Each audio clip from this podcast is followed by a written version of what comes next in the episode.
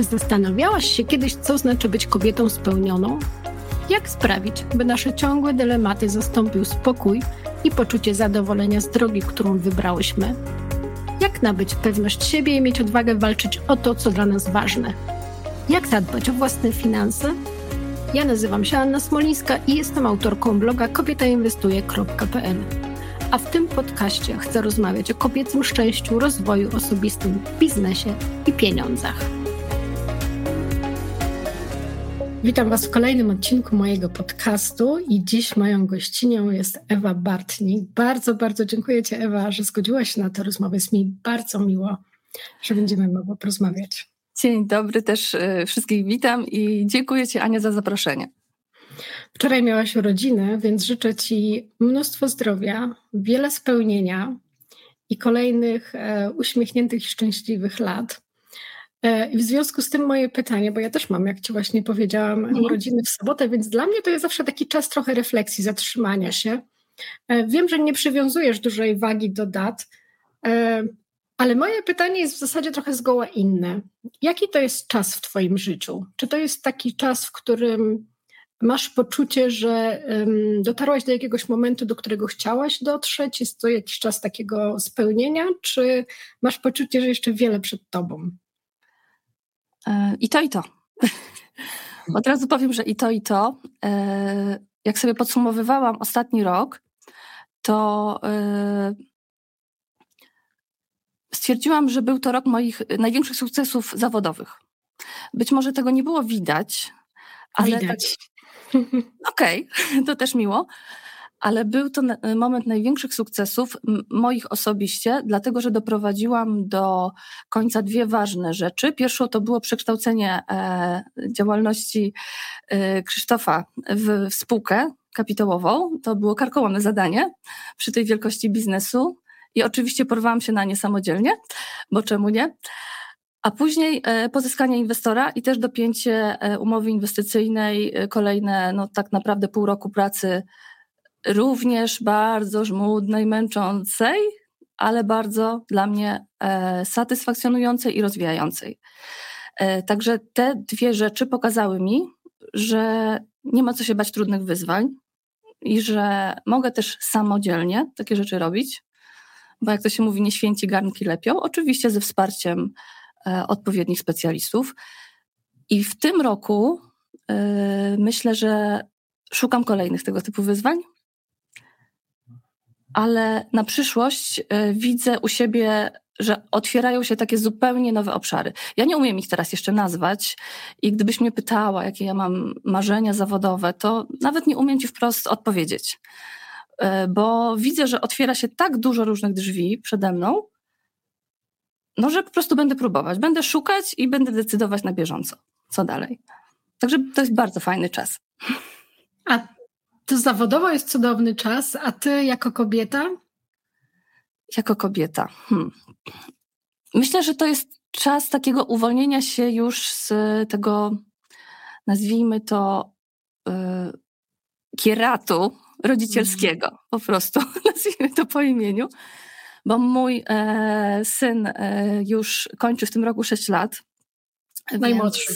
Najmłodszy, tak, najmłodszy, mm. no bo dziewczyny są e, e, dużo starsze. Najstarsza córka e, będzie zaczynać e, we wrześniu liceum, e, a e, właśnie syn kończy 6 lat, więc już też prawie, że pójdzie do szkoły. To jest czas, kiedy łapię po prostu oddech jako matka, bo te dzieci już są po prostu bardzo samodzielne. Potrafią się sobą zająć, ale i też nie wymagają ode mnie takiego non-stop bycia na stand-by'u. I e, też e, to życie rodzinne nie wymaga ode mnie takiego non-stop, e, no nie powiem, że poświęcenia, bo, bo ja no, nigdy nie byłam taką osobą, która by się poświęcała, raczej staramy się partnersko działać w rodzinie. Ale jednak jest coś takiego, że po prostu matka ma takie to poczucie przytłaczającej odpowiedzialności, które zawsze będzie, póki po prostu dzieci są w domu.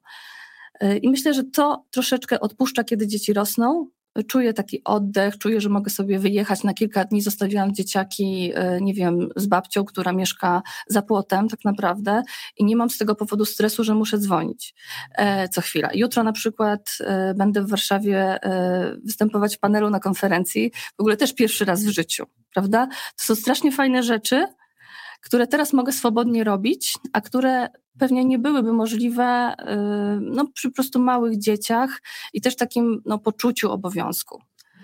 A to ja chętnie wrócę do tego poczucia obowiązku, bo ja jestem bardzo ciekawa, jak to było kiedyś. Mm, bo u mnie też to się to ewoluowało, ewoluowało, takie poczucie właśnie tego, że chyba sama sobie narzucałam taki trochę kierat i jakieś takie mm, nadmierne poczucie obowiązkowości, ale wrócimy do tego. Teraz chcę jakby zacząć od początku. Jesteś e, mhm. CFO w Imker, e, w firmie, tak. o której chciałabym z Tobą porozmawiać za chwilę. Jesteś głównym udziałowcem e, firmy w branży e-commerce. Tak. Ale jesteś 13 lat wcześniej, skończyłaś studia i byłaś pianistką, tak? To byłeś studia muzyczne. Że pianistką się jest do końca życia. Grasz Więc nadal? W tym momencie gram rzadko, Mhm. Jeśli już to dla przyjemności yy, i też nie ukrywam, że ta przyjemność z gry jest zupełnie inna, bo jednak na studiach no to jesteśmy w pewnych ramach. Yy, tam, prawda, no, Uniwersytet Fryderyko Chopina w Warszawie zobowiązuje, że tam się kultywuje pewne, pewne yy, tradycje wykonawcze, w których ja niekoniecznie się mieściłam. Natomiast teraz mogę sobie po prostu wedle własnego uznania y, obcować z muzyką, ze sztuką. Zresztą bardzo to lubię. Sztuka jest obecna w moim życiu cały czas, nie tylko muzyka. I nie ukrywam, że jest też dla mnie bardzo dużą inspiracją w biznesie. To też jest bardzo istotne. W ogóle w tym roku, a propos jeszcze tego uwolnienia się z kieratu, powiem Ci, że mamy z Krzyśkiem taki plan, żeby y, odwiedzić wszystkie najfajniejsze filharmonie w Polsce. Y, w przyszłym roku prawdopodobnie już będziemy chcieli odwiedzać zagraniczne, ale... Zapraszam do Hamburga. Naprawdę, y, serio. Mamy nową w przyszłym roku Elb Filharmonii. Jest e, przecudowna. Ja jestem też po szkole muzycznej, oczywiście nie po studiach. E, stąd doceniam po prostu to, co zbudowano. Naprawdę cudownie, zapraszam. No, także, także w ten sposób obcuję ze sztuką i no, też dzięki temu, że jakiś tam E, jakąś swobodę finansową posiadam, e, mogę to po prostu robić na, na swoich takich zasadach, e, na których prawdopodobnie zawsze chciałam, no bo pa, inaczej patrzę też na tych muzyków. Ja ich bardziej szanuję po prostu za to, co robią. Wiedząc, ile w to włożyli pracy. Tak, tak. Ale jak to się stało, że muzyk, nie, jaki jest femini, feminatyw od muzyka? Muzyczka? E, pianistka zostaje dyrektorem finansowym. I co tu się w ogóle zadziało przez te 13 o, lat? To jest bardzo dużo się zadziało. 13 lat to jest e, kupa czasu. E, to też jest fajny, myślę, case na to, że można się dowolnie w tym czasie przebranżowić. Prawda? Bo mówisz 13 lat. Ja łącznie uczyłam się gry na fortepianie 17 lat. Bo od 6 roku życia do ukończenia studiów to jest 17. To już jest bardzo podobny czas, prawda? Więc można powiedzieć, że, że ten e, okres nauki, poświęcenia się tak naprawdę muzyce, bo tak to niestety wygląda w szkołach muzycznych, że w liceum to ja. To też w sumie ciekawe, bo ja w liceum e, chodziłam do klasy matematyczno-informatycznej, czyli w sumie w Zamościu w liceum to była taka klasa dla olimpijczyków. E, bo w ósmej klasie też byłam laureatką olimpiady matematycznej, tak, jednocześnie oczywiście grając e, na fortepianie i tak dalej. Po prostu nauka mi zawsze łatwo wchodziła, nauka wszystkiego. Za co się nie brałam, to uczyłam się bardzo szybko. WF, okej, okay, nie, wolałam szachy. Także...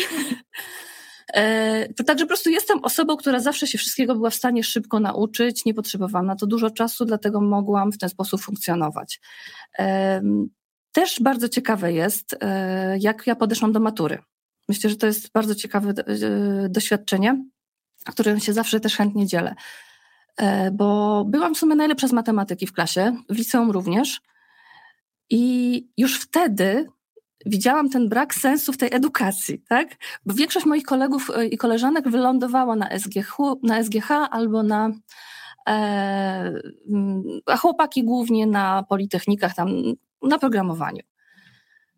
a dziewczyny na ekonomii. No i ja tak, no nie, to jest nudne. Nie, nie chciałam. Wolałam skupić się na tym fortepianie, bo tam było jeszcze tyle do odkrycia, więc... O ironia. Że będę zdawać na Akademię Muzyczną, no bo jeszcze nie byłam nasycona tą sztuką. Nie byłam w ogóle tak, nie czułam, że już umiem to na takim poziomie, że można z tym skończyć. Bo ja też tak mam, że jak się czepiam jakiejś dziedziny, to się muszę w niej doktoryzować. Chyba też z tego to wynika. I ja y, jakby widząc, że tą matematykę na poziomie licealnym pod koniec trzeciej klasy umiem aż nadto, stwierdziłam, że nie, no ja nie będę poświęcać całego roku na uczenie się matematyki po raz kolejny i wałkowanie tych samych zadań, tylko po to, żeby y, zdać maturę na piątkę czy tam szóstkę. No bo to było oczekiwane w tej klasie. Y, więc postanowiłam, a ja nie będę chodzić na ten fakultet, to zamiast tego sobie zapiszę się na niemiecki. Pół roku niemieckiego po 6 godzin w tygodniu przynajmniej się czegoś nauczę. I tak zrobiłam. No i zdałam na szóstkę matury z niemieckiego. Także to było fajne. Zdałam sobie z niemieckiego, z angielskiego i z polskiego, więc w klasie matematycznej było to takie, wszyscy się patrzyli trochę jak na, no, na takiego odklejonego człowieka. I zdawałam na Akademię Muzyczną. No, dostałam się. Nie powiem, że z jakimiś tam wielkimi sukcesami, ale, ale się dostałam. I później yy, no, ćwiczyłam, yy, potem trochę mniej i tak zaczęłam tracić zainteresowanie. Po prostu, widząc jak działa rynek muzyczny po prostu. Już wtedy yy, byliśmy razem z Krzyśkiem, bo, bo my chodziliśmy do tego samego liceum, do tej samej klasy, to w ogóle. Moja historia jest taka sama z mężem, ale numer. No widzisz. Także my, my y, jesteśmy razem od studniówki i no po prostu za, zaskoczyło, więc nie psuliśmy. Tak, tak można to ująć. Oczywiście były wzloty i upadki, jak w każdym związku, ale cały czas jesteśmy nieprzerwanie razem już te, Boże kochany, 19 lat. E, także wtedy już gdzieś tam na drugim, mm, trzecim roku studiów widziałam, że te pięć lat to trochę będzie męka. E, więc po prostu my wzięliśmy wtedy ślub. Krzysiek założył działalność. Y, już wzięliśmy ślub na, na trzecim roku moich studiów i ja wsiąknęłam w tą jego działalność. Po prostu. Też trochę dlatego, że on wtedy jeszcze pracował e, w. Teraz to jest Wirtualna Polska. E, wcześniej było O2. On pracował tam jako y, menadżer projektów, e, a jednocześnie rozwijaliśmy już nasze pierwsze sklepy internetowe. No to wiadomo, mieszkaliśmy tam sobie w jakimś wynajmowanym mieszkaniu, to jeden pokój był cały zagracony towarem. I to tak jakoś było, że coraz mniej czasu poświęcałam na ćwiczenie, coraz mniej mnie to interesowało, a coraz bardziej na ten jego biznes. A taką decyzyjną jakby chwilą był moment, kiedy zdecydowaliśmy się po prostu powiększyć rodzinę, a ja zawsze chciałam mieć dużą rodzinę, i widziałam, że po prostu to nie idzie w parze z muzyką. Tam jest bardzo dużo wyjazdów, trzeba być bardzo dyspozycyjnym i widziałam, jak e, po prostu funkcjonują muzycy na swoim dalszym etapie kariery. No to jest bardzo wymagający zawód i tam trzeba się po prostu poświęcić. I często cierpi na tym po prostu życie rodzinne, związek. Dlatego ja tego nie chciałam uznałam, że tutaj trzeba troszeczkę po prostu zrezygnować z tego, że można się re realizować w inny sposób, a e, na tamtym etapie najważniejszy był związek i rodzina. I skąd pomysł na to, żeby potem iść na rachunkowość, potem zrobić MBA i no, tak już, dalej? Jak to się mówi, potrzeba matką wynalazków. Nie, to były względy pragmatyczne. Zawsze. zawsze. U mnie zawsze względy mm. pragmatyczne po prostu decydowały ostatecznie, mimo tego, że tak jak ty jestem zodiakalną rybą, które niby bujają w obłokach. Ja uważam, że to jest totalna nieprawda. Ja też jestem bardzo pragmatyczna. Wygrywa pragmatyzm.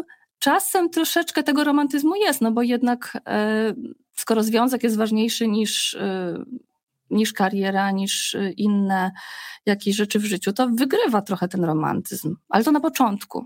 Potem on już przechodzi w pragmatyzm. Dokładnie tak. Prawda? Zdecydowanie. A ty też tak miałaś? Ale dzisiaj rozmawiamy o tobie. No to No to widzisz, to w sumie nie muszę ci chyba tłumaczyć y, powodów y, tych decyzji, ale może ktoś y, inny skorzysta, więc poopowiadam. Krzysiek jest osobą, która strzela pomysłami, jak z karabinu maszynowego. Świetnie dogadał się z moim mężem. tak. Natomiast jak prawdopodobnie wiesz, takie osoby potrzebują kogoś, kto te pomysły będzie realizować. Aż się popłakałam ze śmiechu. Bardzo dobrze to wiem. No właśnie. A mi się to podobało. Więc układ idealny i dla niego, i dla mnie, prawda? E, on e, się e, po prostu mógł rozwijać tam w tej swojej pracy wtedy w O2. Jednocześnie już prowadziliśmy biznesy wysyłkowe, tak jak mówię, z mieszkania w Warszawie. Później zrezygnowaliśmy z tego mieszkania w Warszawie z prostego powodu, w sumie z dwóch. Po pierwsze, ja się tam tak niekoniecznie zdrowotnie dobrze czułam. Jednak my pochodzimy, Krzysztof z Zamościa, ja z kolei z małej miejscowości pod Zamościem. Ja jestem przyzwyczajona do innej przestrzeni, do innego powietrza. Ja się tam po prostu fizycznie dusiłam, a jeszcze będąc później w ciąży i z małym dzieckiem w bloku, mimo że mieszkaliśmy potem już tam przy Lasku Kabackim zaraz e, na, co to, to chyba Imielin jest, tam niedaleko metra Imielin, to mimo wszystko ten lasek kabacki to nie jest ten lasek, co u nas.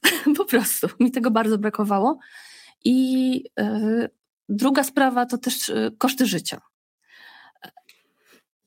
W biznesie internetowym już sami zauważyliśmy, że to nie ma znaczenia, czy my jesteśmy w Warszawie i czy my te paczki nadajemy z Warszawy, czy my byśmy je nadawali u nas na wsi.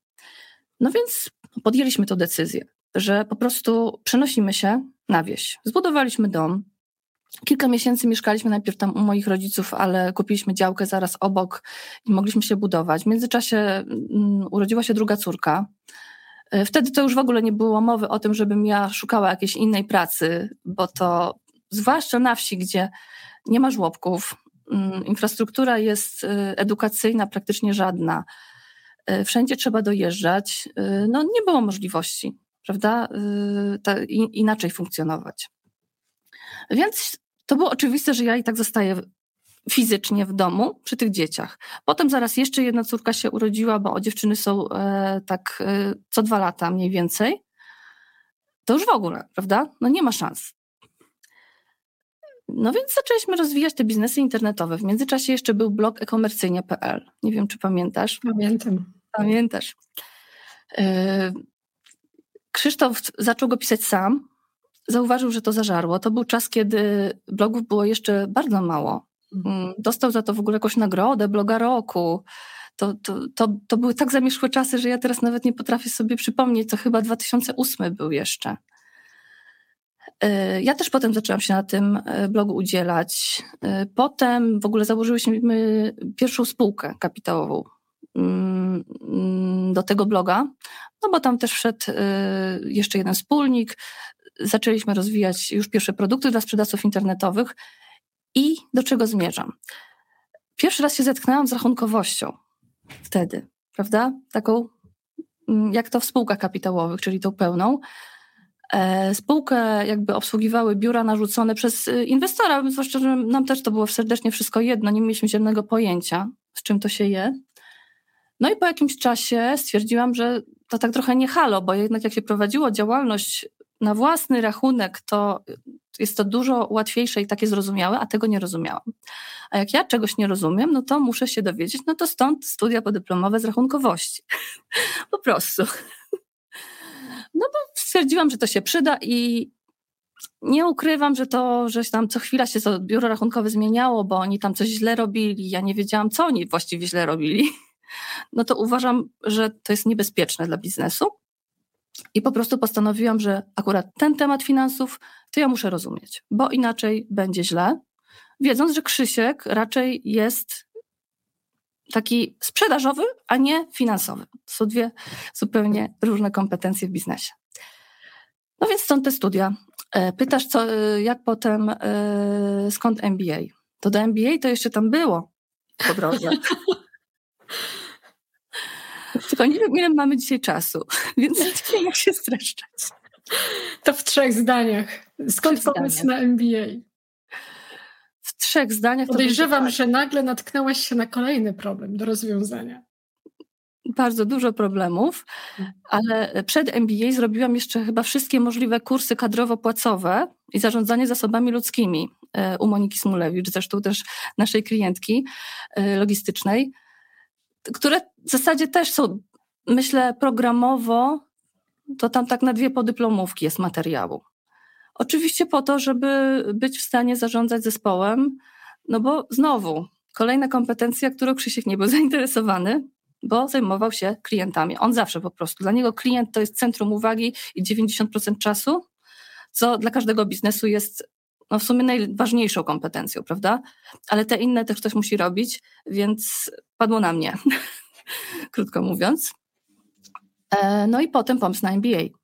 A jeszcze ci powiem, że y, ja nie poszłam tam sama. Ja tam jeszcze wysłałam dwie dziewczyny y, z naszej firmy. Także ja studiowałam na jednej grupie, a one na kolejnej. Do dziś no. pracują z wami? Tak, tak. Ania jest z nami w zarządzie, a jej siostra Asia jest kierowniczką całej logistyki. Jak ci się pracuje z mężem? Hmm, wybuchowo. Zamilkłaś. No nie jest tak, że się Wiesz co, bo szukam pracę do domu. To, to chyba byłaby moja taka największa obawa. To jest temat rzeka. I to znowu jest y, chyba najprościej wytłumaczyć na tym, jak my sobie to układaliśmy. Bo widzę, że dużo par potrafi to oddzielać. My nie potrafimy. I nie ukrywam. Y, w tym momencie, też nawiązując jeszcze do tego, co na początku powiedziałam, dużo wyzwań zawodowych, trochę taki odpoczynek od y, tego kieratu rodzicielskiego. To wszystko sprawia, że praca jest w centrum w tym momencie, zarówno u mnie, jak i u Krzyśka. Siła rzeczy jest też w centrum naszej relacji. Bo rzecz jasna, jak gdzieś tam sobie wyjeżdżamy na weekend, czy y, idziemy sobie na spacer, no to o różnych tematach rozmawiamy. Ale ta praca ciągle przenika nasze życie i my już z tym nie walczymy. Po prostu. Y, I ja obserwuję dużo par, które też funkcjonują y, razem w biznesie to tutaj przychodzi mi jako przykład y, bardzo fajny, podobnego podejścia y, Kamila Kruk i Marcin Osman. Y, I oni mnie tak zszokowali, jak byli u nas kiedyś, to chyba jak jeszcze mieli z córeczką malutką, bo teraz już mają jeszcze, jeszcze synka. Jak, jak ich córeczka była taka malutka, akurat nasz synek też był malutki, wpadli do nas wtedy na chwilę w odwiedziny i do magazynu, i do domu. I ja obserwowałam, jak oni funkcjonują i że Kamila nie ma problemu z tym, że Marcin gada przez telefon. Myślę sobie, ojejku, kurczę, jej, ona się tak nie denerwuje, że on tak tu, tu rozmawia z nami, a tu nagle sobie idzie coś załatwia. Wiesz, ja wcześniej z tym walczyłam. A potem tak patrzę, jacie, ale przecież tak też można funkcjonować. Przecież nie trzeba się na to tak złościć. Jak prowadzisz biznes, to zawsze jest coś do załatwienia. Zawsze. I najczęściej wtedy, kiedy ty nie masz na to zaplanowanego czasu. Także my się nauczyliśmy w ciągu tych lat jakoś tak cieszyć z tego, kiedy mamy ten czas wolny i nie patrzeć, że to jest wtorek o 11. Spoko, mamy wolny wtorek 11, to zróbmy coś fajnego. Jak planujemy jakiekolwiek wyjazdy, na przykład, nie wiem, w góry czy coś, to, to nie musi być weekend. To może być środa i czwartek. Często y, najfajniejsze rzeczy udaje nam się robić w poniedziałek. Ja mam takie odkrycie, to jest moje zeszłoroczne odkrycie, że najlepszy czas na pracę indywidualną albo załatwienie spraw dla takiej osoby jak ja to jest poniedziałek między 8 a 14. Dlaczego? Bo nikt ode mnie nic wtedy nie chce. Każdy coś chce dopiero najwcześniej w poniedziałek po południu ja nie wiem, czy ludzie mają taki wolny rozruch, czy po prostu tak. tak długo się rozkręcają, czy najpierw próbują coś zrobić sami, a potem dopiero y, proszą o jakieś wsparcie. Nikt nie zawraca głowy w poniedziałek przed południem, nikt. I ja już sobie wtedy mogę swobodnie zaplanować tydzień, wiedząc to. Tak samo jak y, sobie planuję na przykład zwykłe popołudnia lub wieczory w tygodniu. No, też jest ok. A potem Możemy na przykład sobotę poświęcić na pracę. Także nauczyliśmy się takiej elastyczności i przede wszystkim nie denerwowania się, jak coś nam zepsuje po prostu plany. To jest, myślę, też kluczowe. Wiesz co, taką mam refleksję teraz, jak o tym opowiadasz, że to chyba przychodzi też jednak z twoim coraz większym zaangażowaniem i z poznaniem też jakby specyfiki tej pracy, bo jednak bycie przedsiębiorcą, e, no to jest jednak e, to jest totalnie inna specyfika e, pracowania niż taka praca etatowa, w której masz jakieś ramy czasowe, zamykasz biuro i, i po prostu koniec. Nie, jakby odłączysz nawet głowę. E, wydaje mi się, że w byciu przedsiębiorcą bardzo trudno jest tę głowę wyłączyć i też trudno jest się po prostu odciąć o określonej godzinie. My mamy bardzo podobnie, mój mąż przez wiele lat, jak e, mieliśmy jeszcze jedno dziecko, które było mało i ja robiłam wtedy studia doktoranckie, Mój mąż miał e, takie wyjazdowe wykłady, na przykład we Francji albo w jakichś innych miejscach. I na początku mnie to bardzo denerwowało, że jakby te, te, ten czas jest trochę zabierany z naszego czasu rodzinnego. Bardzo nie rozumiałam tego, jak w ogóle on może coś takiego, e, coś takiego robić, że przecież my tu jesteśmy i tak dalej. Ale faktycznie potem zrobiłam bardzo podobnie jak ty. Stwierdziłam, okej, okay, tak, on tak pracuje, tak jest. Jeszcze wtedy nie miałam swojej firmy.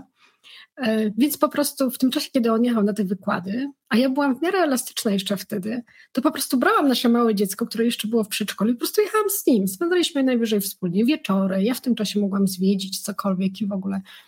Ale hmm, chyba takie pogodzenie się też ze z daną specyfiką pracy i próbowanie znalezienia jakby wspólnego miejsca w tym wszystkim, to chyba, to, to chyba jest taki pierwszy krok do, do tego, żeby zapanował spokój w tym wszystkim, nie? Tak, ja miałam coś takiego. Mieliśmy taki etap, e, kiedy właśnie e, jeszcze synka nie było, tylko były e, dziewczyny same. No ja wtedy się jeszcze biznesowo nie udzielałam. Znaczy taką miałam przerwę, tak, pomiędzy poprzednimi projektami, a teraz Imkerem, że uważałam, że Krzysiek się przepracowuje, że przesadza. Pewnie tak było trochę, mm, bo, bo czasami przesadzał ale y, stawiałam taki warunek, że sobota jest dla rodziny, tak? Że nie, nie, nie wolno w sobotę w ogóle komputer detoks, no nie, koniec, nie można, nie można. I to była walka z wiatrakami, bo co byśmy nie zrobili, to w tą sobotę zawsze się coś wydarzyło, że trzeba było zareagować. Hmm. No nie wiem, kluczowy klient ci zadzwoni w sobotę z jakimś żalem, bo akurat się obrobił po całym tygodniu, siadł do tak tych maili, ty nie odpisujesz, a widzisz, że trzeba zareagować kurczę, i nie możesz, bo żona ci po prostu stoi nad mhm. głową. Teraz inaczej na to patrzę. Hmm. Wtedy walczyłam właśnie. W...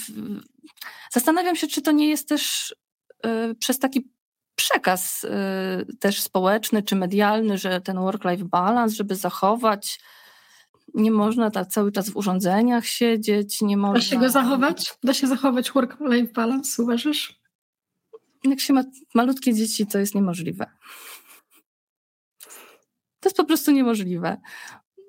Nie wiem, ja, ja, ja tak jak powiedziałam, nie, nie walczę teraz e, z, ani z nadmiarem pracy, e, ani nie walczę też o jakiś super czas e, dla rodziny, taki mm, od do, prawda? Nie wierzę w to po prostu.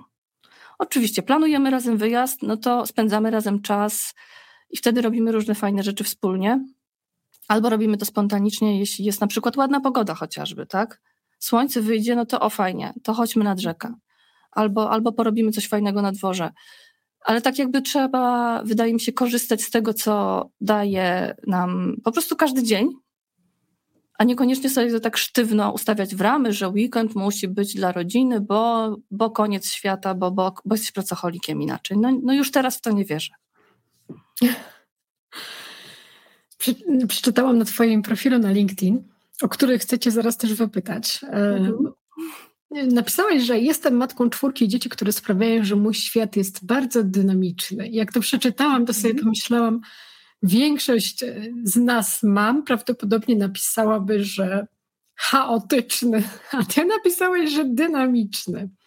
Jak ty w ogóle się w tym odnajdujesz? Masz czwórkę dzieci, e, no, no, przejęłaś bardzo dużo obowiązków, ważnych obowiązków w waszej firmie.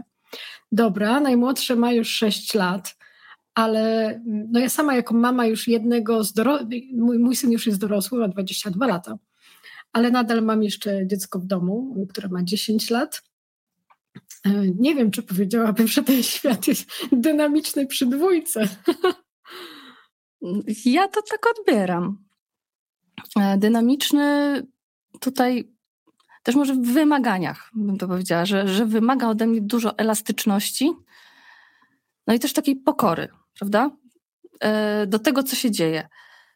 Bo jak chcesz pracować i jednocześnie no, masz kilkoro dzieci, to pewnie wiesz, że one chorują wtedy, kiedy masz coś ważnego w pracy, a nie wtedy, kiedy możesz zostać w domu.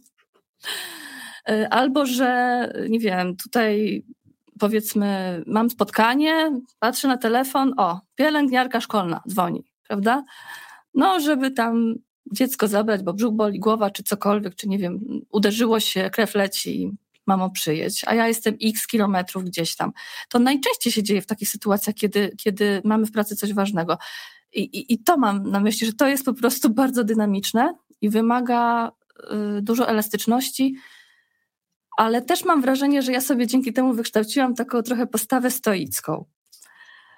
Y, też się trochę fascynuję teraz tą filozofią, zaczynam czytać, że faktycznie ja dużo z tego mam w swoim podejściu że ja się nie złoszczę po prostu na to, że coś się wydarzyło. Wydarzyło się, okej, okay, podchodzimy zadaniowo. Co należy z tym zrobić? Ale jak się tego nauczyć? No bo wyobrażam sobie, że większość, e, nie, nie chcę ogólniać. Wyobrażam sobie, że są mamy, które w takiej sytuacji po prostu wpadają w furię, rozwalają złą atmosferą ja cały wpadam. dom. Ja nie twierdzę, że nie wpadam w furię, nic takiego nie powiedziałam.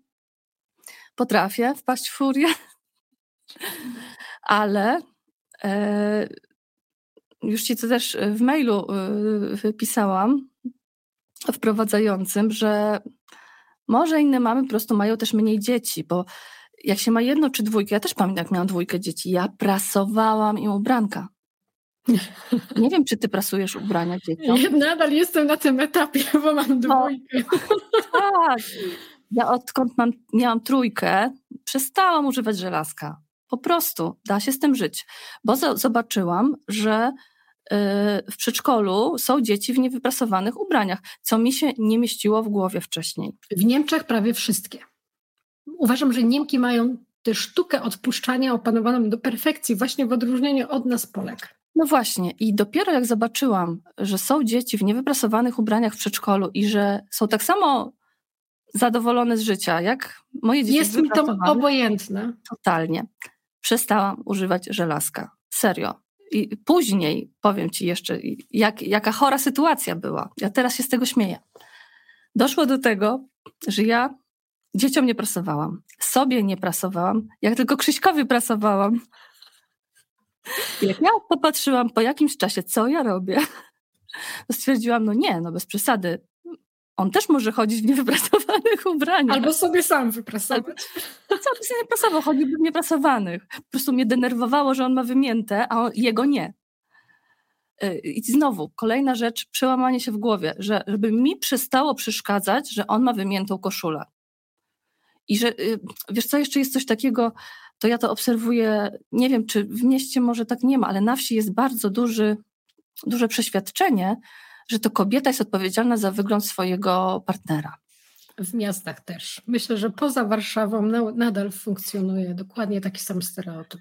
To jest niestety bardzo nieprzyjemne, że jak gdzieś tam się szło, to widać było, że yy, no ktoś tam na przykład mówi, o guzik ci odpada, coś tam, ha, żona ci nie przyszyła. No nie, nie przyszyła. I to takie nieprzyjemne, uszczypliwe uwagi, które mi też przeszkadzały, yy, zwłaszcza, że Krzysiek yy, na przykład działa yy, w Ochotniczej Straży Pożarnej, to tam ten mundur, wszystko to musi być elegancko, każdy guziczek, no i wszyscy ci strażacy, no to zawsze, że to żona szykuje ten mundur. Ja tego nie robię. I on chodzi w takim wymiętym czasem, czasem guzik troszeczkę. I wiem, że jest to no, postrzegane jako, że ja nie dbam, prawda? Wśród tych no, starszych panów. Tyle, że już się od tego po prostu mm, odcięłam i, i potrafię z tym żyć. Także tak. Y, trzeba się zwyczajnie e, po prostu odciąć od tych no, opinii. Myślę, że większość naszych przekonań wynika z tego, że my się martwimy, że inni po prostu o nas coś źle pomyślą. ja sobie A wbrew pozorom inni tak. myślą o nas mniej niż nam się wydaje. Tak, ale też y, uświadomiłam sobie, że w sumie co mnie obchodzi zdanie jakichś starszych panów z sąsiedniej wioski. Po prostu. Że okej, okay, niech sobie tak mówią, ale to jest tylko ich, y, ich postawa, a to wcale o mnie nie świadczy. No to też była duża praca. Duża praca. Do dziś e, śmieję się z moim mężem z tego, jak nasze pierwsze dziecko było małe i ja zaczęłam studia doktoranckie i wyjeżdżając co drugi weekend musiałam jeździć mm, na studia. Szykowałam mu jedzenie, dokładnie opisując, kiedy co mam mu dać do jedzenia. Po prostu e, jakaś paranoja, po prostu jakby nie mógł sam się o to zamartwić albo po prostu zamówić pizzę. Więc no teraz, kiedy wyjeżdżam przy, przy córce, kiedy była mała, to mój mąż się śmieje, no kiedyś szykowałaś mi całą lodówkę, wszystko opisywałaś, a teraz wyjeżdżasz, lodówka pusta i zupełnie inaczej. Ale tak, to jest duża praca mentalna, bo ja też miałam mhm. takie poczucie, że kobiecie nie wypada, albo miałam z tyłu głowy, że to moim obowiązkiem de facto jest zadbanie e, o te wszystkie, o tą całą taką domową otoczkę, włącznie z moim mężem, którego de facto potraktowałam też jak kolejne dziecko. No, no Mhm. Wiesz, na początku się dzisiaj uśmiecham, tak. Ale... Tak, ale wiesz co, na początku mam wrażenie, że to wynika po prostu z takiej y, chęci no, zadbania o tego partnera, prawda? Że no, Boże, no, kocham cię, no to chcę ci to okazywać tak na wszelkie, możliwe, mm. na wszelkie możliwe sposoby. Chyba u kobiet tak opiekuńczość jest taka naturalna. Mm. Najgorzej, że potem same się y, jakby w ten schemat wtłaczamy zupełnie niepotrzebnie. Y, powiem Ci, że y, mój Krzysiek na przykład denerwuje się bardzo, jak y, słyszy komentarze jakieś pod swoim adresem, właśnie takie trochę protekcjonalne od na przykład pani u lekarza, bo to też tak jest, że do lekarza z dzieckiem idzie matka, prawda? I lekarz w zasadzie z ojcami nie rozmawia, tylko rozmawia z matkami. I on ostatnio jest z dziećmi u dentysty i słyszy, że dobrze, to ja tu panu karteczkę dla żony napiszę. Jak on się obruszył, jaką karteczkę dla żony? Ale to ja chodzę z dziećmi do dentysty, no bo faktycznie tak jest. Ja chodzę na szczepienia, on chodzi do dentysty. Tak się podzieliliśmy. Tak, ale to może działać w dwie strony. Tak, tak sobie teraz pomyślałam, jak miałam taką sytuację. My od jakiegoś czasu, oprócz tego mojego początkowego inwestowania na giełdzie, dołożyłam do tej mojego pakietu inwestycyjnego nieruchomości. I ostatnim moim projektem była budowa takiego domu na wynajem i um, przeżyłam bardzo ciekawą sytuację, w której pan hydraulik totalnie nie chciał ze mną, nie elektryk, pan elektryk totalnie nieswoje czuł się rozmawiając ze mną i w ogóle nie chciał e, tłumaczyć, mimo, mimo że widział, że znam się na temacie i próbuję mu zadawać konkretne pytania, w ogóle próbował ignorować te pytania i totalnie nie brał mnie na serio. Doszło do takiego momentu, a ja sobie, wydaje mi się, że dosyć dobrze radzę sobie w relacjach um, z panami z branży budowlanej, bo ja to po prostu bardzo lubię też. To mnie, to mhm. jest jakaś taka branża, która mnie kręci. E, doszło do tego, że po prostu wysłałam na tę rozmowę zwyczajnie mojego brata, z którym on rozmawiał zupełnie normalnie i na bardzo takim e, partnerskim poziomie, a ze mną totalnie nie mógł tego przeskoczyć. Totalnie. Także to chyba działa też dwie strony, jednak te stereotypy takich tak. prac, którymi zajmują się mężczyźni, albo takich prac, którymi mhm. zajmują się kobiety. Mam nadzieję, że to będzie się naprawdę upłynniało i że no, będziemy. To jest e, taka trochę bariera w równouprawnieniu ciągle, prawda? Bo z jednej strony ty czuj, ja też oczywiście, że odczuwam wielokrotnie, naprawdę wielokrotnie taką postawę y, mężczyzn protekcjonalną wobec siebie. Teraz oczywiście już coraz mniej, bo jak widzisz też mój sposób y, wysławiania się i y, w ogóle sposób rozmawiania jest, jest taki, że raczej nie jestem taką potulną osobą. Natomiast z drugiej strony wychowawczynie ze szkoły raczej wolą rozmawiać z mamą niż z tatą. Nauczycielki, właśnie lekarki, pielęgniarki, no to zawsze, zawsze jakoś do tej mamy. I, I to jest krzywdzące, bo później taki tata czuje się, że no w zasadzie to skoro nawet ze mną nikt poważnie nie rozmawia, to ty idź, prawda? To przynajmniej załatwisz tak jak należy. E, I, i troszeczkę to jest, to jest niefajne. To mi się nie podoba po prostu, że takie rzeczy się dzieją, bo nie powinny. Bo z jednej strony sami mówimy, że ojcowie powinni się angażować w wychowanie dzieci, A później te najtrudniejsze, niby, że to tematy, które, no, umówmy się, nie wymagają też nie wiadomo y, jakiej wiedzy, są im jednak odbierane, tak? A oni też chcą czuć tą odpowiedzialność. No jak raz nie zdąży, zapomni pójść do tego dentysty, no to trudno, to pójdzie następnym razem, prawda? No raz może zapomnieć o tej wizycie. Kiedyś się też na to denerwowałam, a teraz się na to nie denerwuję. To on się przed tymi paniami tłumaczy, on przekłada, pojedzie następnym razem, dziecko wytrzyma. Ja to widzę jeszcze z innej strony, wiesz, i to, to było też e, właśnie takie szowinistyczne trochę um, no takie stereotypowanie, stereotypowe potraktowanie mnie było inspiracją do napisania tej książki, która aktualnie jest u Was i mhm. jest wysyłana. Ale ja to widzę jeszcze z drugiej strony. To, że i Ty, i ja mamy córki. I to, jak my będziemy funkcjonować w tym partnerskim układzie, to jak my będziemy same siebie doceniać, pozwalać sobie też mentalnie na to, żeby e, no, żyć dla siebie, nie? a nie właśnie tak jak no. powiedziałaś, poświęcać się dla rodziny. Nie chcę tego. Nie chcę, żeby moja córka wiedziała, że się dla niej poświęcam. Ja chcę, żeby ona widziała, że ja daję sobie prawo do tego, żeby być w partnerskiej relacji, żeby pracować e, i, i realizować się, bo mam też do tego prawo. Myślę, że to się po prostu jak w lustrze odbije później w związkach naszych córek.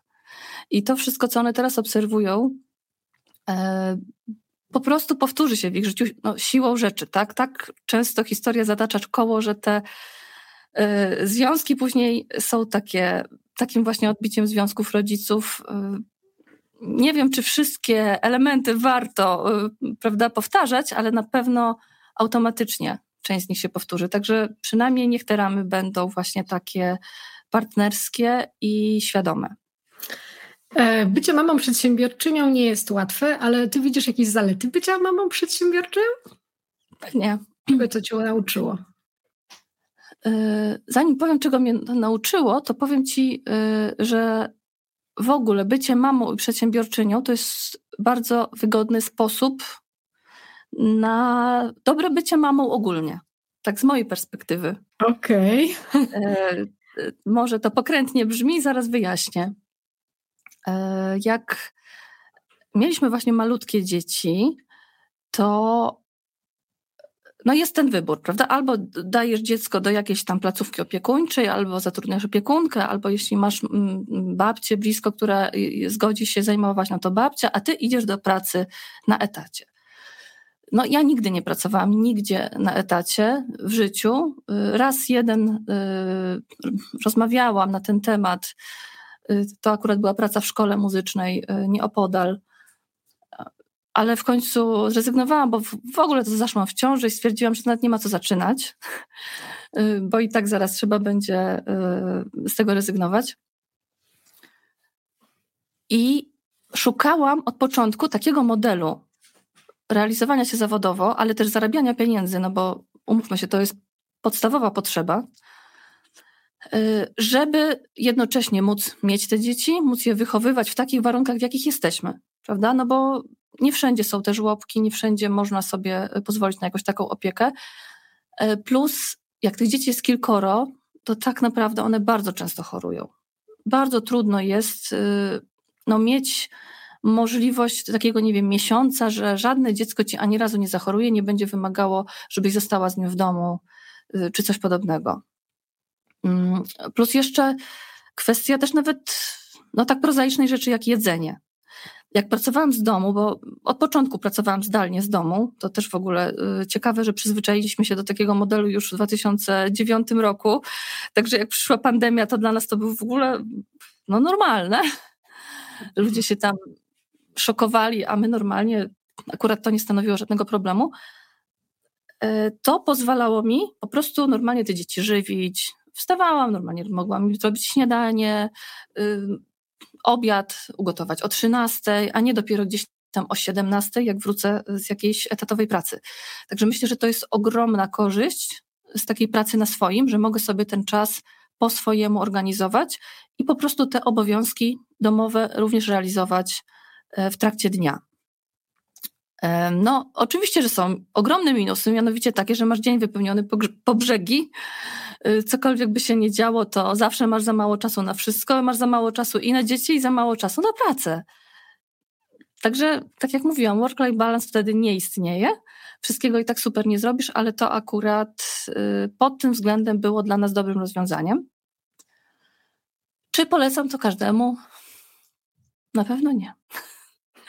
Na pewno nie, bo tak jak powiedziałam, to wymaga y, też takiej stoickiej postawy, ogromnej elastyczności. Jak ktoś nie lubi zmian, chociażby, nie wiem, umówisz się na to, że popracujesz nad nie wiem, na przykład nad tekstem, tak? No my wtedy też robiliśmy bloga, ja też robiłam wywiady z ludźmi, że z kimś się umówię na spotkanie, o to ja muszę je odwołać, bo dziecko chore, albo nie mam warunków w domu, bo dzieci hałasują.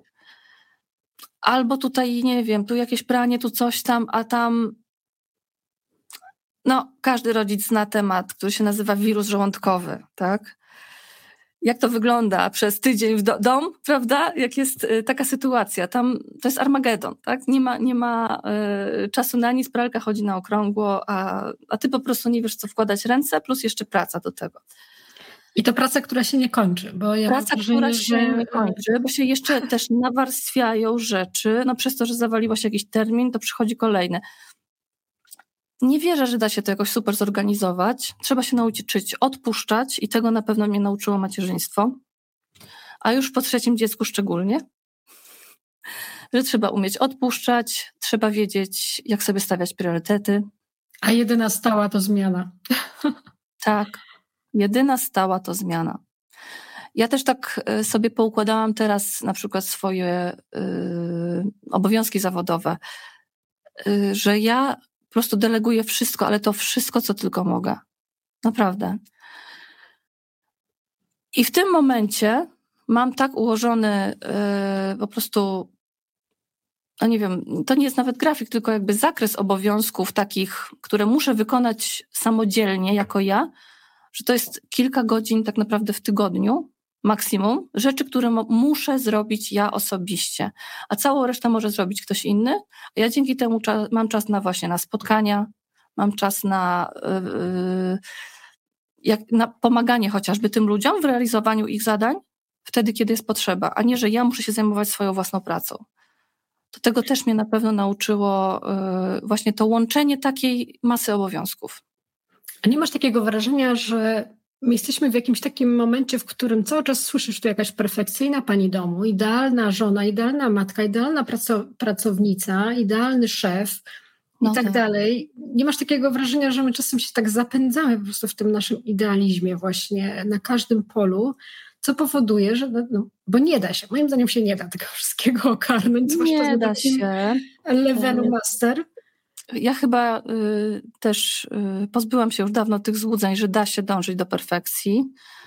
E, nawet ostatnio pisałam o tym na LinkedInie, że my widzimy ten sukces wszędzie w koło, bo media epatują tym sukcesem. I też trochę od nas się oczekuje, mm, tak jakby no, tego, żeby pokazywać, inspirować, no a kogo inspirują jakieś takie nieprzyjemne czyjeś frustracje? No nikogo to nie inspiruje, mówmy się. To jest raczej rzecz, której nie chcemy oglądać. Yy, ale to jest. To jest każdego dnia, prawda? Yy, codziennie popełniamy jakiś błąd, codziennie przeżywamy jakieś rozczarowania. To jest obecne w naszym życiu. Ja, ja też z tym jakby nie walczę, ja się na to nie obrażam. Ale ja też uważam, że powinnyśmy o tym mówić. Zwłaszcza, że y, właśnie jest tak, tak jak ty mówisz, że mm, wiele kobiet patrzy na przykład na, mhm. na, na, nasz profil gdziekolwiek w mediach społecznościowych i widzi jakby ten czubek tej góry, który jest jedynie efektem pracy, którą wykonało się na przykład przez wcześniejsze, nie wiem, 15 lat że nie ma też takich idealnych warunków do tego, żeby cokolwiek robić. No wiesz, nawet dzisiaj nagrywając rozmowę z tobą, czy wczoraj prowadząc webinar, bo teraz jest Dzień Kobiet, więc też mam e, mhm. sporo takich dodatkowych szkoleń w ogóle. Są ferie szkolne i moje dziecko jest w domu. Mój mąż też ma teraz, akurat zaczął swój turniej negocjacji. To nie są idealne warunki do pracy. Jak sama wiesz, jak są dzieci, a musisz pracować, masz określone terminy, to, to musisz też być na tyle mm, skrupulatnie przygotować dziecku jakiś taki plan, żeby się nie mhm. nudziło w tym momencie, żeby też coś zjadło, żeby nie było głodne, tak. bo będzie marudzić, bo ci zaraz tutaj wejdzie i tak dalej, więc moim zdaniem fajnie jest mówić o tym i pokazywać jakby tą drugą stronę, żeby też nie dawać takiego złudnego poczucia, że um, innym kobietom wszystko tak prosto przychodzi, a ja to się tak muszę w tym życiu po prostu namęczyć, żeby do jakiegoś mhm. etapu dojść. No to tak nie działa. Nie, nie. Mało znam kobiet, w który, których y, które osiągnęły cokolwiek i przyszło im to tak, taką łatwością, nie? Jak masz jeszcze rodzinę i dzieci? To na pewno tak nie działa. Y, ja z kolei nie lubię się chwalić, prawda? Jakoś tak, myślę, że większość kobiet też nie lubi się chwalić. To mamy, akurat tu mężczyźni nad nami na pewno górują że nie mają problemu z tym, żeby powiedzieć, że coś jest efektem ich pracy. A nawet razy zawsze... 200 to powiedzą. Tak.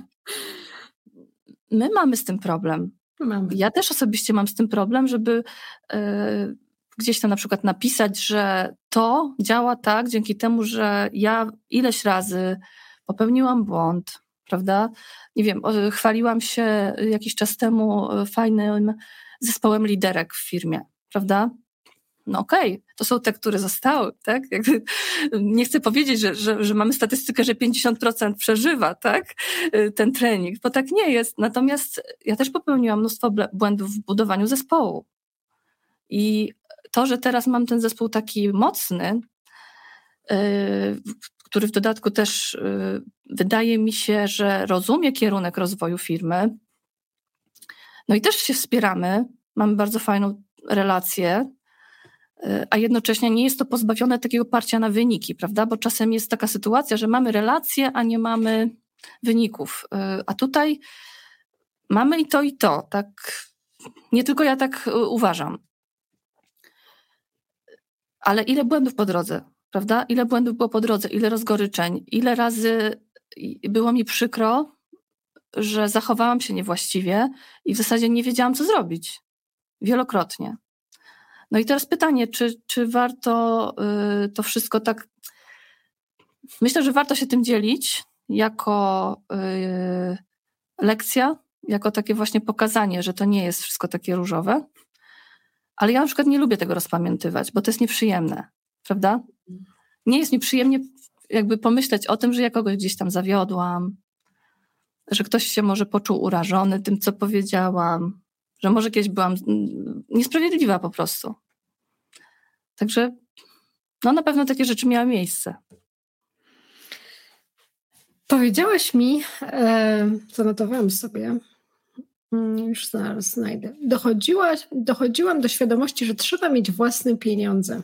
Nie chcę uciekać od pieniędzy, bo to jest e, finanse mhm. kobiet, to jest temat, który no, który stał się moją misją, chcę o nich mówić. Uważam, że to jest bardzo ważny temat, który, którego stale my jako kobiety nie doceniamy.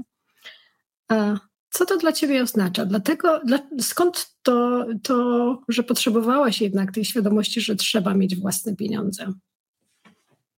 Hmm.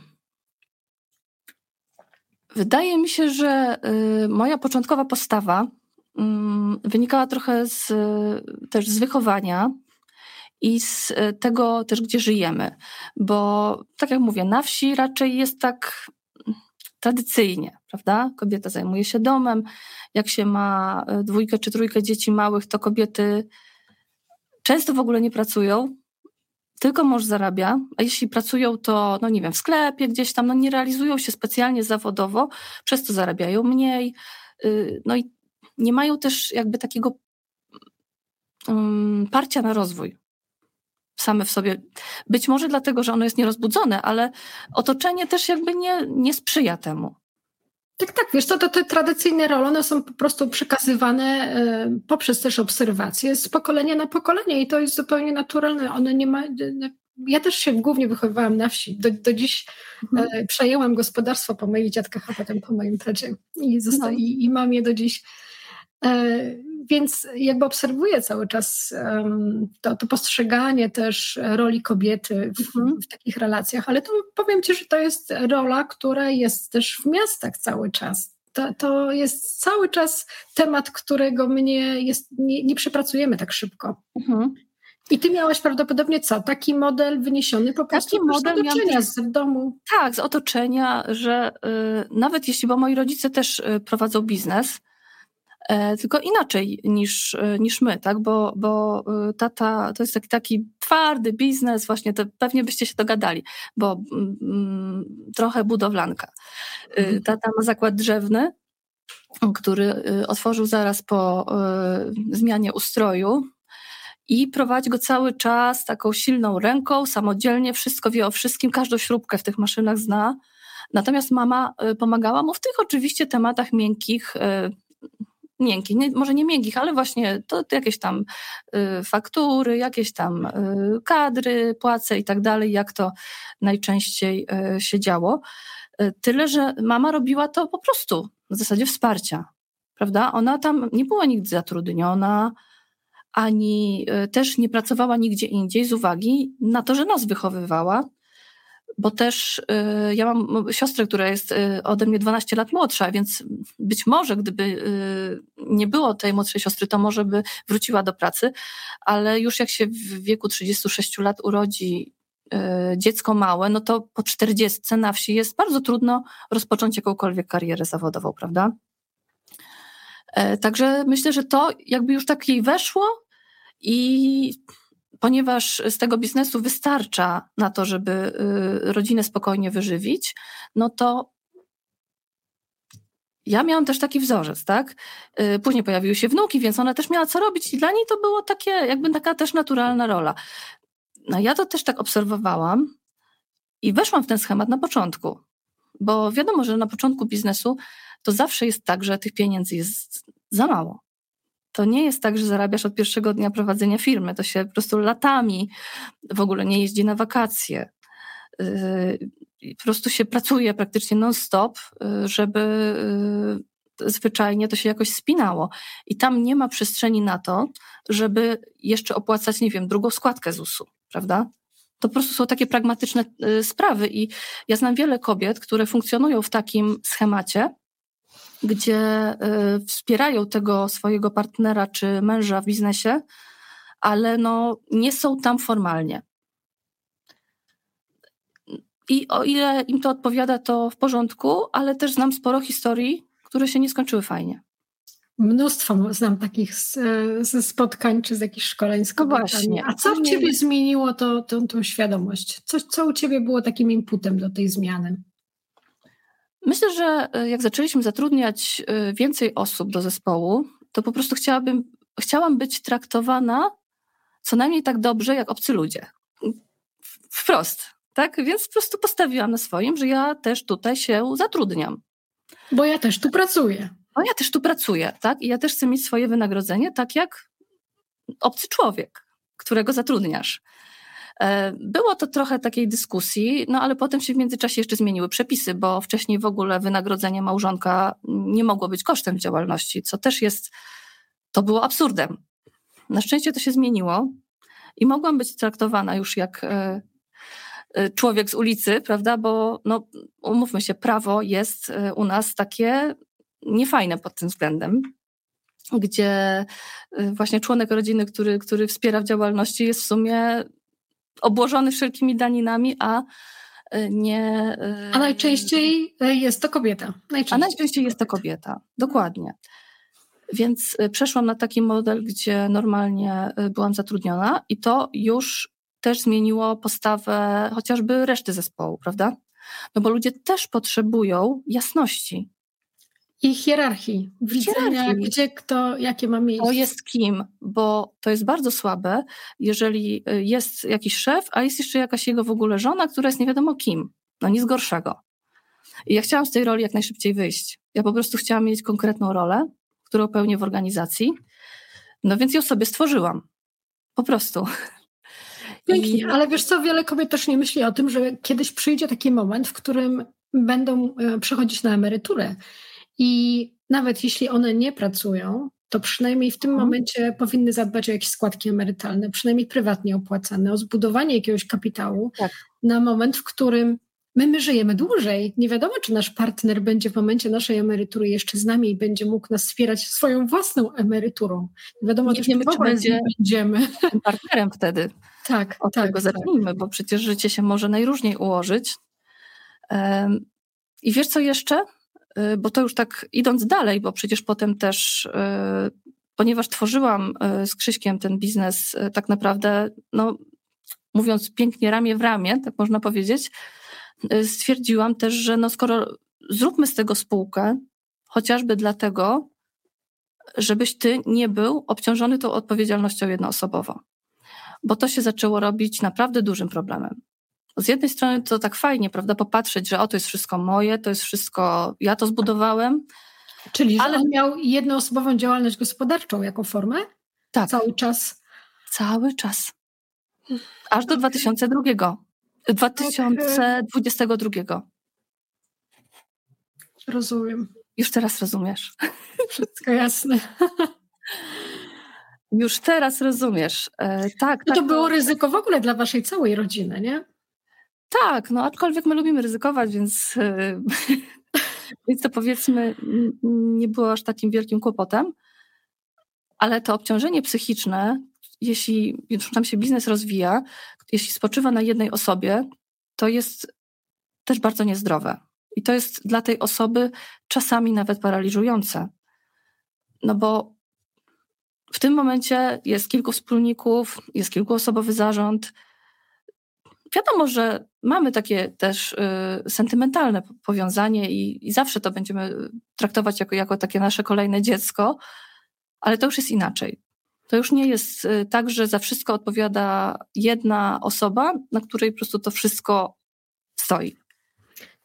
A jak Krzysztof w ogóle podszedł do tych zmian? Bo jednak jesteście razem kilkanaście lat. Ty na mhm. początku zajmujesz się domem. E, mówię to też z doświadczenia. Czy to jest pytanie z testu? Nie, to jest pytanie z czystej ciekawości. Jak to było u Was? No, bo ja też mam swoją historię w tej kwestii. E, no i nagle Ty zaczynasz coraz więcej angażować się mm, w sprawy firmy, potem zostajesz partnerem oficjalnym w tej firmie, wcześniej pracownicą e, i zaczynasz też jakby co, coraz więcej znaczyć też. No, no musi, musi się z tobą liczyć też teraz w wielu kwestiach jeszcze bardziej niż wcześniej.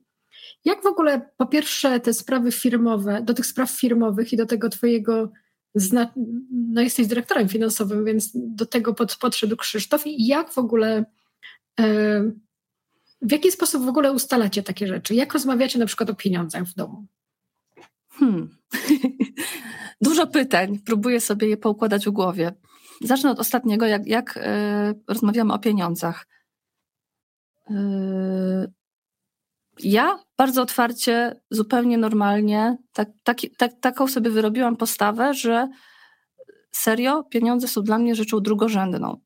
Bo już jesteśmy na takim etapie, że nawet gdyby, nie wiem, cokolwiek się nie działo, to, to mam świadomość, że jesteśmy w stanie je w jakiś sposób zarobić. Po prostu mamy bardzo dużo kompetencji najróżniejszych i wierzę w to, że sobie w każdej sytuacji jesteśmy w stanie poradzić jako ludzie. Także ja tym się tak bardzo nie przejmuję y, i traktuję pieniądze jako środek do realizacji swoich celów, marzeń, do zaspokajania oczywiście potrzeb swojej rodziny i tak dalej. Krzysztof różnie. On ma takie różne, naprawdę, on jest taki, taki bardzo y, zmienny w, swoich, w swojej postawie, ale chyba sobie też nie przypominam jakiejś wielkiej kłótni o pieniądze. A jak on się odnalazł w tej zmianie, w zmianie, w twoim rozwoju? Hmm. Tak myślę sobie, procentowo sobie liczę w głowie. No bo domyślam się też, że, że z czasem musiał przejmować też coraz więcej obowiązków, skoro tyś coraz bardziej angażowałaś się w firmie. Y, e, I Niby jakby tak. Tylko to partnerski nas... taki model coraz szybciej, nie? Tylko u nas nigdy nie było tak, że Krzysiek jakoś unikał obowiązków. On nigdy nie unikał y, obowiązków związanych z dziećmi. Od zawsze się po prostu bardzo angażował. A tutaj wydaje mi się, że mimo że były momenty, kiedy coś mu się mogło nie podobać, no bo prawda, no chociażby, nie wiem, zupełnie inne spojrzenie e, nawet na, na, na finanse w firmie, y, to, to nie było takiej sytuacji, żeby, żeby on mnie jakoś tłamsił. Tego nigdy nie odczułam. Y, wydaje mi się, że on tutaj jest na tyle otwarty, że wie, że to jest wszystko też dla jego dobra bo, bo wie, że ja potrzebuję się rozwijać i że jak się rozwijam, jak e, też mogę coś e, znaczyć jako, jako ja, to no on ma po prostu też zadowoloną żonę w domu. Sądzę, że też, też to ma znaczenie. E, ale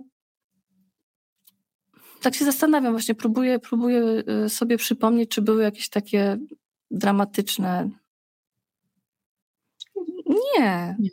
Nie, nie, naprawdę nie. I teraz nie, nie, nie udaje. Jest tutaj, wydaje mi się, Krzysiek, okej, okay, z tym tematem. I raczej jest ze mnie dumny. Oczywiście wkurza go czasem, jak za dużo czasu spędzam na czymś, ale mnie też wkurza, jak on spędza na czymś za dużo czasu. Jestem przekonana, to... że jest z ciebie dumny, naprawdę. A najbardziej myślę, że to jest cudowne, jak twoje dzieci obserwują taki rozwój. Uważam, że dla twoich córek twój rozwój to jest złoto. No, Przyszłość. nie wiem. Wiesz, one mają teraz po, po, po naście lat i jestem dla nich osobą, że tak powiem, w kolejce autorytetów, to na szarym końcu. To taka faza. Ale to jest taka faza i ja też z tym nie walczę. Po prostu, no, nie próbuję ich przekonywać, że, że, że mają się mnie słuchać. Widzisz w nich przedsiębiorców? W swoich dzieciach? E, to pytanie też jest takie z doświadczenia, bo jesteśmy akurat na etapie um, zmiany planów e, mojego syna na przyszłość, który zawsze mówił, że nie będzie tacy jak my. E, I nie będzie robił tego, co my, a właśnie się zastanawia jednak nad doktoratem i jakąś taką pracą naukową i w ogóle. I wydaje mi się, a że skoro wasz. No jest na trzecim roku studiów.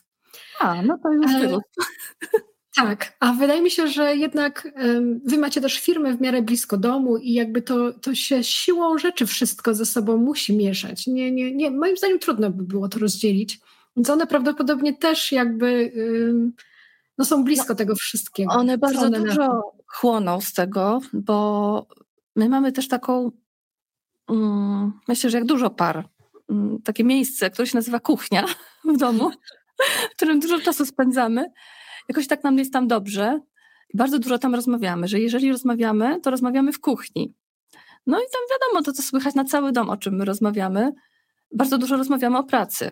Najczęściej w sumie rozmawiamy tam o pracy. E, także dzieciaki to wszystko y, też jakby słyszą te nasze wymiany zdań. Y, I sądzę, że z tego powodu nie chcą być przedsiębiorcami. No to pewnie z tego samego powodu mój syn nie chciał kiedyś robić tego, co my. Widzą dwie rzeczy. Po pierwsze, że jeśli się o coś kłócimy, to właśnie są to sprawy firmowe. Hmm. Tak ostatnio właśnie zauważyliśmy z Krzyśkiem, że no, czyta się czasem, że no, najczęstsze tematy, o które pary się kłócą, to no, finanse, opieka nad dziećmi, sposób tam, nie wiem, prowadzenia domu, gdzie pojadą na wakacje, jak spędzają wolny czas. My nie mamy takich rozkmin. Naprawdę. My mamy tutaj, prawda, jedną linię rodzicielską. E, no, może mój mąż trochę bardziej ciśnie na sprzątanie niż ja, bo ja bardzo odpuściłam w tym temacie, e, żeby nie zwariować. E, mamy jedną linię, jeśli chodzi o jakby przeznaczanie finansów domowych. Jeśli chodzi o wakacje czy spędzanie urlopów, czasu wolnego, to w zasadzie też jest elastycznie, bo najczęściej jest tak, że ja wymyślam, a Krzyśkowi się to podoba. jakoś, tak, jakoś tak to działa, więc też nie ma co psuć. Także my nie mamy tutaj o co się kłócić. My się kłócimy tylko i wyłącznie o sprawy firmowe. Czyli my się tam wspieramy o to, w co zainwestować, my się wspieramy dlaczego ten człowiek zrobił to w taki sposób, dlaczego, dlaczego nie zrobił tak, jak ja chciałem, czy chciałam, no nie, coś tam, dlaczego ten klient tutaj się spóźnia z fakturami, jak tak można, no i różne takie, prawda, Marzę o tym, żeby za 10 lat, za 10 lat powtórzyć tę rozmowę i zapytam, która córka już zaczęła i na które stanowisko wejdzie w firmie. Wiesz to właśnie jestem. E, podczas e, e, studiów MBA czy, czy, czy jakichś tam różnych szkoleń często padają takie pytania, czy chcemy, żeby nasze dzieci były sukcesorami w biznesie, tak? I to jakby skłania do refleksji na ten temat. Myślę, że czemu nie? Ja bym chciała. Pytanie, czy to jest w ogóle możliwe. E, I w tym momencie chyba nie widzę na to przestrzeni, ale one są jeszcze, jeszcze za młode. Tak, I sądzę, są w fazie rozwoju, nie? Hmm. Tak, są w fazie rozwoju, ale sądzę też, że one muszą poznać wszystko inne, zanim zdecydują. Każda z moich córek jest inna. Naprawdę, to są zupełnie inne charaktery, zupełnie inne zainteresowania. Najstarsza jest y, nie chcę powiedzieć taka jak ja, ale jest bardzo stanowcza i wie, czego chce, e, bo ona nie jest taka jak ja w ogóle. Gdyby to usłyszała, to by po prostu tutaj mm, protest był. Mm, ale ma też dużo skrzyśka, mm, takiej, takiego wizjonerstwa. Także w niej to ja widzę ogromny potencjał, taki chociażby liderski. Tyle, że w wieku 13 czy 14 lat ona nie ma absolutnie gdzie tego rozwijać, bo żadna szkoła nie promuje takich zachowań. W domu też nie jest to dobrze widziane, mimo wszystko, mimo że widzę, że te cechy pozwolą jej w życiu kiedyś stawiać na swoim i żyć po swojemu, to nie podoba mi się, że ona w domu to realizuje. No, tak zwyczajnie po ludzku. Druga córka z kolei jest takim bardzo analitycznym umysłem, bardzo logicznym. Ona wręcz uwielbia łapać nas za słówka, jak powiemy coś nielogicznego. No po prostu jest tym mistrzynią. I mówi od razu, nawet jej wychowawczyni mówi, no Marysia powiedziała, że będzie programistką, ona się nie będzie uczyła biologii. I napisała na kartkówce, że coś tam, po prostu nic nie napisała, tylko ja mówię, no co ja poradzę? To nie będzie, to nie będzie. I, I tutaj naprawdę to jest też taki upór osiołka. A pani z biologii jakoś tam też ręce rozłoży i postawi tą trójkę, no bo coś tam jednak napisze, ale takie totalne minimum, bo ona będzie programistką. A z kolei y, trzecia córka to w tym momencie gdzieś tam mówiła, że chciałaby być nauczycielką, jakiś taki zawód, bo jest takim po prostu, ona jest takim aniołkiem, taką opiekunką. No, tam oczywiście też swoje potrafi y, pokazać, ale jest bardzo wrażliwa, y, bardzo taka otwarta na innych, tak lubi tak, no taką właśnie takie bycie z ludźmi. Zupełnie, zupełnie wszystko inne charaktery. Syn to nie ma co mówić, bo on na razie jest mały, także, także u niego, chociaż też to zainteresowanie liczbami i strukturami u niego widać i chciałoby się czasem tak pomarzyć, że o, będzie z niego taki prawda, deweloper, czy, czy jeszcze... Ja tam po tych kompetencjach już bym ich obsadziła. ja też bym ich już obsadziła, ale się bronię przed tym, nie, bo to chyba byłoby najgorsze, co mogę zrobić. Tak? I nie chcę tego błędu popełnić, żeby od dzieci po prostu już na tym etapie wymagać jakiegoś ukierunkowania.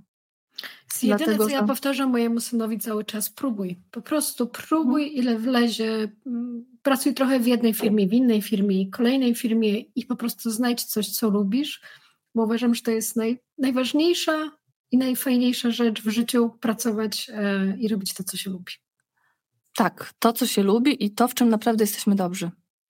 Bo wtedy ta praca nie męczy. Jak my się, e, ja mam taki przykład e, ze swojego podwórka, kiedy się zajmowałam jakiś czas rekrutacją. O ludzie, jak to mnie męczyło. Dwie rozmowy na dzień i ja byłam wypompowana. No coś strasznego, naprawdę. I przestałam to robić i zajmuję się zupełnie innymi rzeczami, ale to było coś, co ewidentnie nie było mi po drodze. Mimo, że nauczyłam się tego, przeszłam przez kursy, wszystko inne i tak dalej, ale to jest coś, co, co jakby wysysa ze mnie energię. I dobrze jest się nauczyć wyłapywać takie czynności, które właśnie tak nas wyczerpują, nawet fizycznie. Y, bo dzięki temu potem zostaje nam czas y, na to, co nam szybko idzie. Gdzieś y, to chyba trener nasz od talentów Galupa takie coś mówił, bo ostatnio też robiliśmy sobie takie warsztaty galupowe, co zresztą też bardzo lubię tą metodę. Mówił, że tam podają takie statystyki, że jeśli się rozwijamy w swoich tych mocnych stronach, tych talentowych, to, że robimy wszystko sześć razy szybciej, lepiej, efektywniej. No ja tego zmierzyć nie potrafię aż tak, ale to się czuje. Bo ja potrafię, potrafię na przykład w Excelu pracować 10 godzin bez jedzenia i picia. No dobra, z piciem, ale, ale ja nie muszę jeść obiadu. Ja mogę siedzieć 10 godzin w Excelu i się nie zmęczyć. A gdybym miała przez 6 godzin na przykład rekrutować, to ja bym tam na czterech wychodziła z tej pracy. Po prostu. Hmm. To są takie y, przykłady u mnie. A jakie, wiesz co, wracając do biznesu, tak, taką mam teraz e, rozkminę, że najwięcej wypytałam cię tak trochę o kobiece sprawy, co w zasadzie było moją intencją, ale mam tak dużo jeszcze biznesowych pytań, no. że chyba musimy spotkać się jeszcze raz, żeby porozmawiać tylko i wyłącznie o biznesie. Więc na koniec, przyspieszyć. na koniec bym cię zapytała o takie Twoim zdaniem trzy kluczowe cechy, które, mm, które pomagają w osiągnięciu sukcesu. I nie mam tu na myśli e, jednoznacznie takiego sukcesu, wiesz, od razu, że musimy być w zarządzie, ale takiego, e, no, takiego sukcesu, który jest dla nas, według naszej definicji, sukcesem, nie? Cechy, tak? Mhm. Albo Cechy. kompetencje. Cechy albo kompetencje. Hmm. Konsekwencja, najważniejsza. Druga, która już padła tutaj e, wiele razy, to odpuszczanie. Odpuszczanie to jest bardzo ważne i to, to jest też powiązane z e, dobrym układaniem priorytetów. E, no i jeszcze trzecia kompetencja uczenie się. Koniecznie. Musimy się non-stop uczyć, być tacy otwarci na zdobywanie wiedzy, to wtedy myślę, że nie ma rzeczy, których nie możemy osiągnąć. Dzięki. bardzo, bardzo Ci dziękuję za tę rozmowę. To była męcząca. Dzięki raz jeszcze i mam nadzieję, że dasz się namówić jeszcze na taką rozmowę o no o biznesie, tylko i wyłącznie o biznesie, bo myślę, że masz bardzo biznesie. dużo e, do powiedzenia jeszcze w tej kwestii, a nie dałam Ci szansy na to, żeby e, się po prostu tą, tą wiedzą pochwalić. Także z ogromną ciekawością e, zapytałabym Cię o mhm. rozwój rynku e-commerce i całą resztę, która mnie totalnie interesuje, też kwestii self-publishingu. Hmm. Także już dziś Cię zapraszam. Jak najbardziej możemy się umówić o tym pogadać, mogę się nawet przygotować. Nie Bo musisz się przygotowywać. Tak... nie, nie, nie musisz się przygotowywać. Myślę, że to z Twojego doświadczenia wiele rzeczy wynika. Bardzo Ci dziękuję raz Super. jeszcze i że Ci Również dziękuję. Mam nadzieję, że nie zanudziłam Cię tymi Co wszystkimi dygresjami. Dziękuję za odsłuchanie tego odcinka. Jeśli Ci się podobał, zostaw ocenę i zasubskrybuj mój kanał. Pomaga mi to szybciej się rozwijać. I pamiętaj, że nigdy nie jest za późno, by zmienić coś w życiu. Szczególnie, gdy stawką jest Twoje spełnienie, Twoje szczęście, gdy stawką jesteś Ty.